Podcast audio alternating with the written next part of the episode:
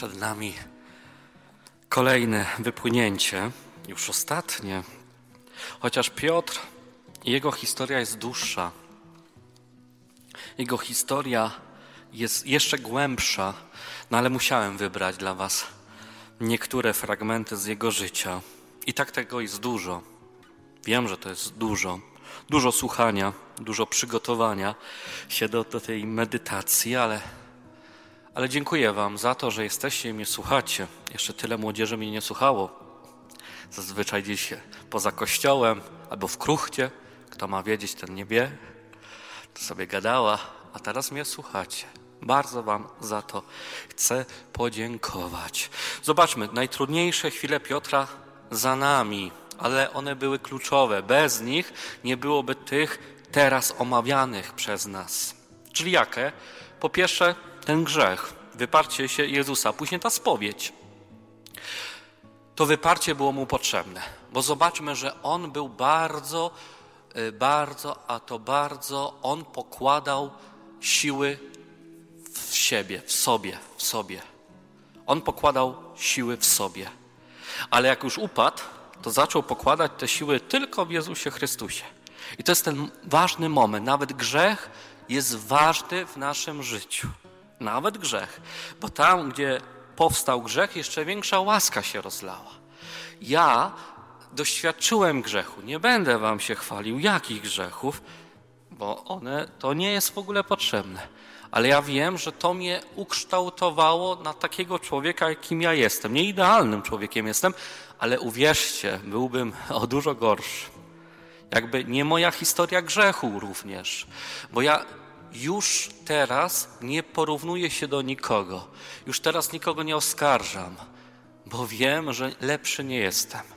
I Piotrowi też trzeba było zgrzeszyć, żeby on zrozumiał, że Pan Bóg go wybiera jako pierwszego, ale nie, że najlepszego, nawet najgorszego spośród tych wszystkich apostołów, ale to Bóg wybiera. I zobaczmy, że ta spowiedź jest piękna. Czy Ty mnie kochasz? I wiecie co? Dzisiaj robimy sobie i do końca PDM-u robimy sobie urlop z formuł, formułkami. Dobra? Nie ma formułek. Jak ktoś boi się formułek, formuły spowiedzi świętej, zapomniał, bo czasami tak jest. Dlaczego nie chodzisz do spowiedzi? Dlaczego nie byłeś rok, dwa? Bo ja nie znam formułki ta formułka jest ważna, ale nie jest najważniejsza, słuchajcie. I my na PDM-ie, teraz każdy ojciec, który mnie słucha, yy, proszę Was wszystkich, abyśmy zwolnili naszą młodzież od formułki. Nie ma formułki. Dobra? Kto zna, kto, kto już sobie ją gdzieś tam zapisał w sercu, no to nie ma problemu. Ale mówię do tych, którzy może właśnie dlatego nie chodzą do spowiedzi, bo nie znają formułki. Pamiętacie ten mój wierszyk do dziewczyny, nie? Dzisiaj sobie go odpuszczamy. Dzisiaj tu serce jest najważniejsze. Czyli jeśli ktoś pragnie wyspowiadać się, ojców bardzo prosiłbym po konferencji, abyśmy tam siedli. Już dwie osoby mnie prosiło o spowiedź, ale przyjmę każdą ilość i każdy ojciec przyjmie was, usiądziemy sobie tam na ławkach i będziemy na was czekać. Co jest ważne? Przyjść i powiedzieć, mam na imię Savio. Ostatni raz byłem u spowiedzi, nie wiem, rok temu. I mówię grzech. Zamykam oczy i mówię szczerze Jezusowi, nie temu kapłanowi, Jezusowi moje grzechy. Tak szczerze. I zamykam oczy i patrzę, co się dzieje. Czekam, co się stanie. I teraz do ojców prośba, chociaż ja wiem, że i tak by tak postąpili. Nie wyzywamy, nie krzyczymy. Dobra, zwalniamy się dzisiaj z krzyczenia i wyzywania. Obojętnie co usłyszymy. Obojętnie co usłyszymy. I dajemy łatwe pokuty. Taka okazja. Jutro mnie nie będzie. Ale taka umowa do końca PDM-u. Dzisiaj spowiadamy cały dzień, ale tak zorganizujmy się po tej konferencji i w czasie też adoracji ojcowie też będą tam spowiadać na zewnątrz.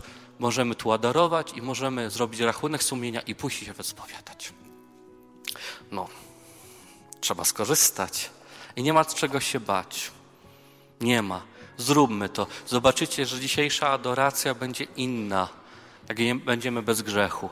Każda msza święta będzie inna, jak będziemy bez grzechu. Trzeba wykorzystać taka promocja. Nie w Biedronce, tylko w kościele. Dobra? Imię, kiedy ostatnio byłem u spowiedzi, nawet 10 lat temu, albo pierwsza komunia święta, też trzeba to powiedzieć.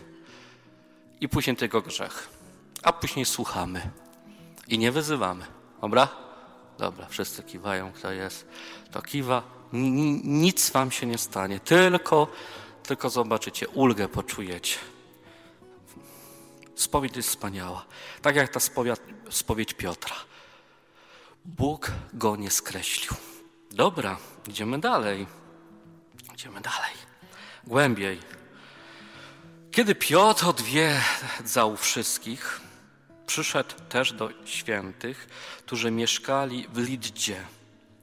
Znalazł tam pewnego człowieka imieniem Eneasz, który był sparaliżowany i od ośmiu lat leżał w łóżku. Eneaszu, powiedział do niego Piotr, Jezus Chrystus cię uzdrawia. Wstań i zaściel swoje łóżko.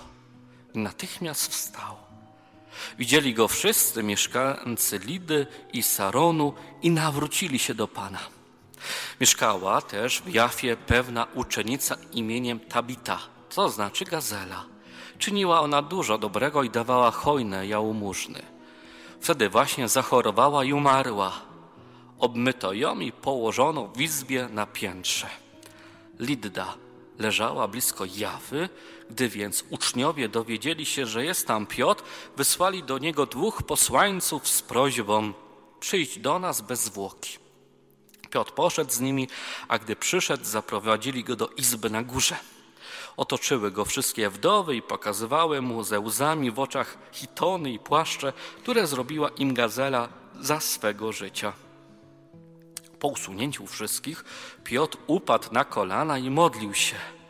Potem zwrócił się do ciała i rzekł: Tabito, wstań.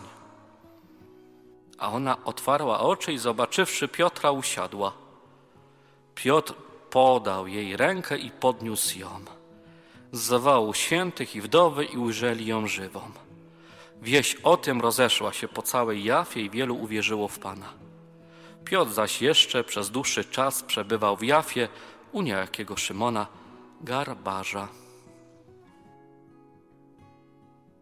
Pamiętacie tą przypowieść, kiedy Jezus mówi o siewcy? Siewca idzie siać i sieje.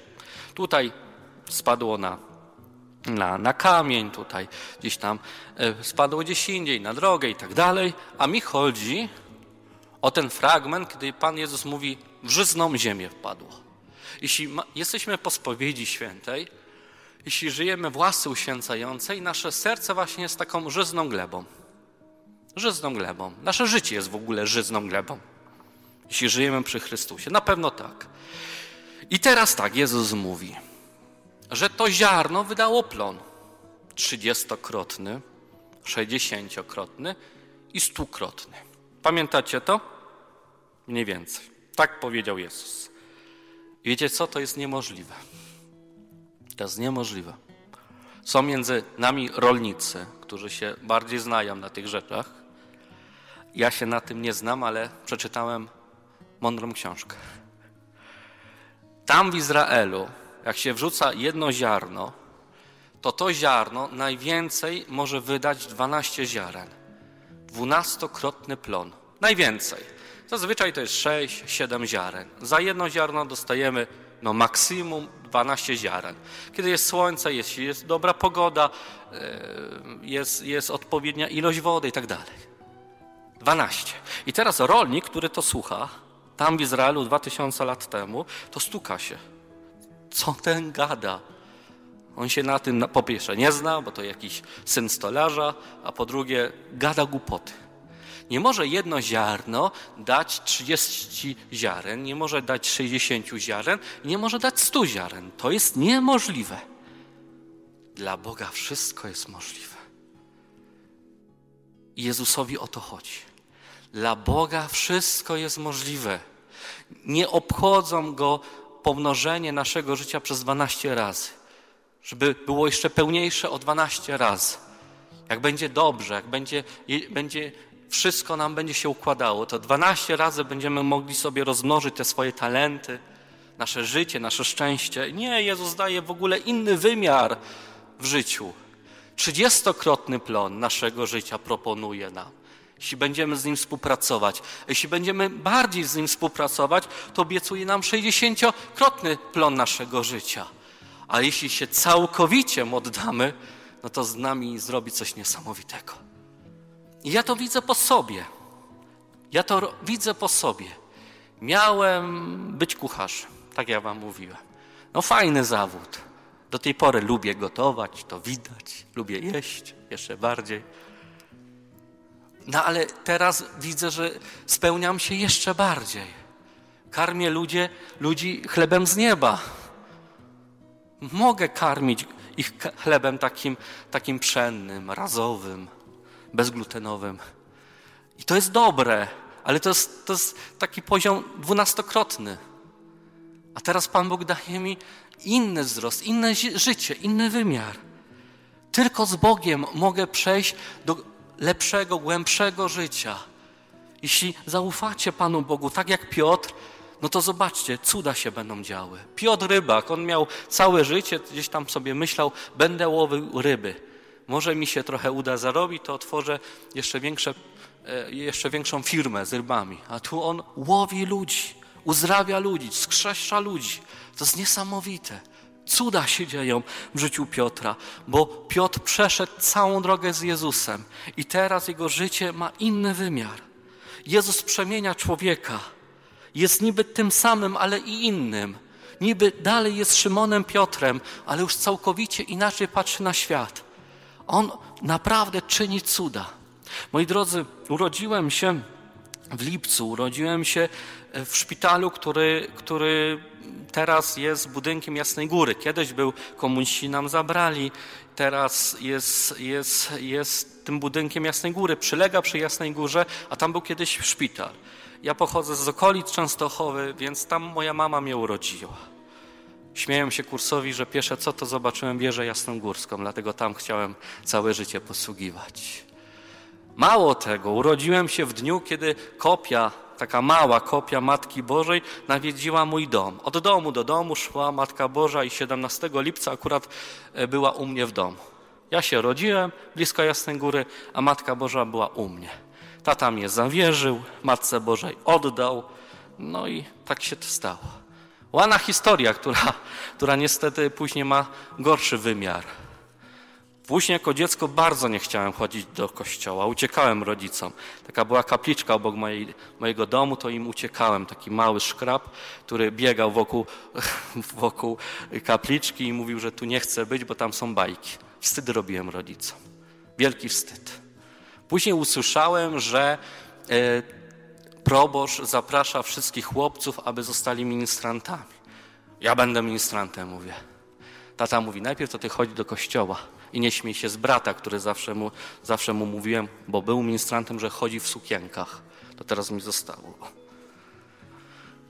Najpierw chodź do kościoła. Nie, nie, ja będę ministrantem. I tak zostało aż do końca. Aż do ostatniego dnia, kiedy nie wstąpiłem do zakonu. Ale moje życie nie było sielankowe.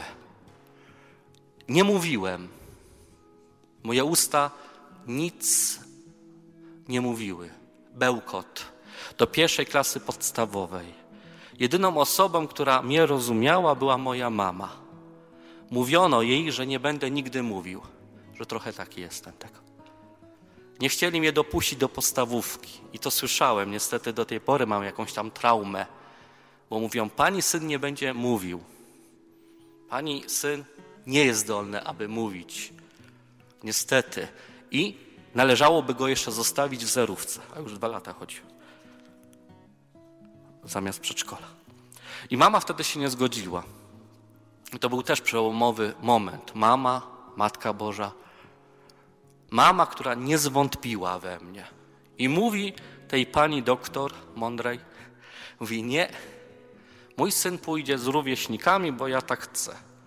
Ja chcę, żeby mój syn chodził z kolegami. Tylko moja mama wierzyła we mnie. I tylko moja mama mnie rozumiała. Ja tam do mówię, a mama wiedziała, że ja coś tam chcę. Miałem nie mówić. I rzeczywiście później pewien cud się stał, że zacząłem mówić mniej więcej. Mniej więcej zacząłem mówić i pamiętam również w podstawówce, klasa druga, brałem udział w przedstawieniu. I tak się denerwowałem. W domu znałem kwestie wszystkich dzieci. Mogłem powiedzieć mamie wszystko to, co mówi moja koleżanka Weronika, Judyta i chłopcy. Ja miałem jedno słowo. No, tak pani wychowczyni zdecydowała. Jeszcze mało tego, ja miałem tu napisane to słowo, nie? Pies. Bo tam Weronika coś mówiła i później każdy z chłopców mniej inteligentnych, moich kumpli ja, miał powiedzieć jedno słowo. Był pies. A tak się denerwowałem, że powiedziałem kot. Na serio. I mój kumpel Mateusz, który miał tego kota, no mówi też kot. No i wszyscy się śmieją, a ja załamka, że znowu mi w życiu nie wyszło. A nie dało się oszukać, że on się pomylił, bo tu był pies, nie? I ta trauma, ona ciągnie się za mną. No ciągnie się. I później rzeczywiście moje życie nie było jakieś takie piękne i dobre. Chcieli mnie z gimnazjum wyrzucić troszeczkę. Wystarczyło wyrzucenie mnie z wiceprzewodniczącego szkoły, ale to tam polityczna sprawa, nie wracajmy do tego. W technikum było też ciekawie dosyć. No ale powiedziałem, ja chcę zostać zakonnikiem. Wszyscy się stukali, czyli moi rodzice, bo nikt nie wiedział, ale mi wierzyli, mama, tata, tak zachowywali to w sercu. Widzieli, że coś się dzieje, że przyjąłem szkaplerz, że się modlę. Nawet jak przychodziłem o trzeciej w nocy do domu, mama wchodzi, bez szczegółów, a ja się modlę. Widzi, no modli się, nie? Modli się. Dzień wstąpienia do zakonu. Jestem w tym zakonie tydzień, dwa i mówię, to nie jest dla mnie. Nie. Wracam do domu. Wystarczy. Co chciałem osiągnąć, to osiągnąłem. No ale na szczęście moi kursowi, czy ojciec Jan, ojciec Jonasz tutaj obecny, czy ojciec Mateusz, którego znacie niektórzy i inni, duży kurs, byli tacy jak ja. Normalni tak naprawdę. Ja mówię, jeszcze zostanę ten tydzień, jeszcze tydzień, jeszcze tydzień. Później czas seminarium i znowu taki kryzys. Odchodzę. Gdzie ja? Gdzie ja wejdę na ambonę i będę mówił kazania? W życiu. Może pójdę na brata zakonnego. I rozmawiałem z ojcem duchownym na ten temat, bo ja się nie nadaję i, i cały czas pamiętałem to. Ja mam problemy z wymową. Tu miałam pies, mówię kot, bo się denerwuję. Nie potrafię czytać, nie potrafię śpiewać. Ci się śmieją, tam Janek. Kazali mi psalm śpiewać, to wszyscy czekali, bo wiedzieli, że, że będzie śmiesznie. No przecież to była trauma. Mówię, odchodzę idę na brata. Ale no, jeszcze poczekam. Ta nauka, też jakaś tam filozofia, o co im w ogóle chodzi. Ja po gastronomiku, ja tu grochówkę potrafię gotować, a oni mi tam coś tam o, o prawdzie, o, po łacina, greka. Boże, ludzie, odchodzę. Ale małymi krokami, małymi, małymi, małymi. Doszedłem do diakonatu. Idę na ambonę i mówię kazanie. Jestem księdzem, mówię kazania. Nauczyłem się trochę śpiewać. Tak trochę. Bałem się dzieci. W Toruniu byłem duszpasterem dzieci. Jakoś to poszło. Po trzech latach cały kościół dzieci. I wiecie co? To jest cud. To jest cud, który Pan Bóg uczynił w moim życiu. Jak ja bym teraz miał powiedzieć przez ten mikrofon coś, co nie jest Słowem Bożym, czyli ktoś z Was ma urodziny, ja bym miał Wam życzyć, jakieś życzenia miałbym Wam złożyć, to bym się jąkał. Naprawdę. Naprawdę. To mam takie doświadczenie. Jeśli coś mówię, co nie jest Słowem Bożym, to wraca ten dawny Dawid a jeśli Pan Bóg mnie posyła do takich rzeczy, na przykład dzisiaj, żebym głosił wam konferencję, to on daje mi życie. Bałem się kamer, bałem się mikrofonu, a teraz idę i mówię. Jeszcze niektórzy mówią, nawet, nawet ci idzie, nie? Nawet ci idzie. Ja mówię, to nie ja. Ja to tam pies bym nie powiedział wam. Wierszyk bym mógł wam powiedzieć, bo go nauczyłem się dobrze. Nie, nie. To Duch Święty mówi, nie ja. To są cuda. To są cuda, kiedy w konfesjonale w Toruniu przypomniało mi się takie zdarzenie. Przychodzi mój uczeń. Taki mały, bo tam uczyłem. On już teraz to mógłby być z wami tutaj. Przepraszam. E, wtedy taki mały. Michał uznajmy, że miał na imię. I, I przychodzi do spowiedzi, mówię mu, Michał, Michał, zobacz, tu jeszcze Michał, tu może byś tu zmienił, tu Michał, Michał, Michał. Tak zazwyczaj nie używam tyle razy imienia, ale wtedy tak używałem. No i skończyła się spowiedź, on staje, podchodzi do mnie po drugiej stronie, żebym podpisał mu książeczkę pierwszopiątkową. Patrzy, jak go nie znam. Co to za chłopak? Pomyliło mi się. W ogóle niepodobny do tego Michała, o którym myślałem. A tutaj mówię, no dobra, trudno, no. Pomyśli, że jakiś chory kapłan czy coś. Może zapomni. Otwieram tą książeczkę. Patrzę, Michał. On blady, ja blady. Podpisałem. On nie wiedział o co chodzi. Ja też dałem. Poszedł, a ja do końca życia to będę pamiętał. Michał. Pan Bóg działa. My jesteśmy tylko narzędziami. Pamiętacie o tym. Dlatego jeśli oddacie swoje życie Panu Bogu, cuda będą się działy. Cuda będą się działy. Trzydziestokrotny plon będzie waszego życia, sześćdziesięciokrotny, a nawet stu. Jan Paweł II, aby nie poszedł do seminarium, byłby pewnie jakimś tam filozofiem, którego byśmy nie znali. Piotr, który by nie poszedł za Jezusem, byłby rybakiem, o którym byśmy nie słyszeli. I bym mógł mnożyć, mnożyć do wieczora, bym mógł tutaj mówić Wam przykłady. Ostatni tekst.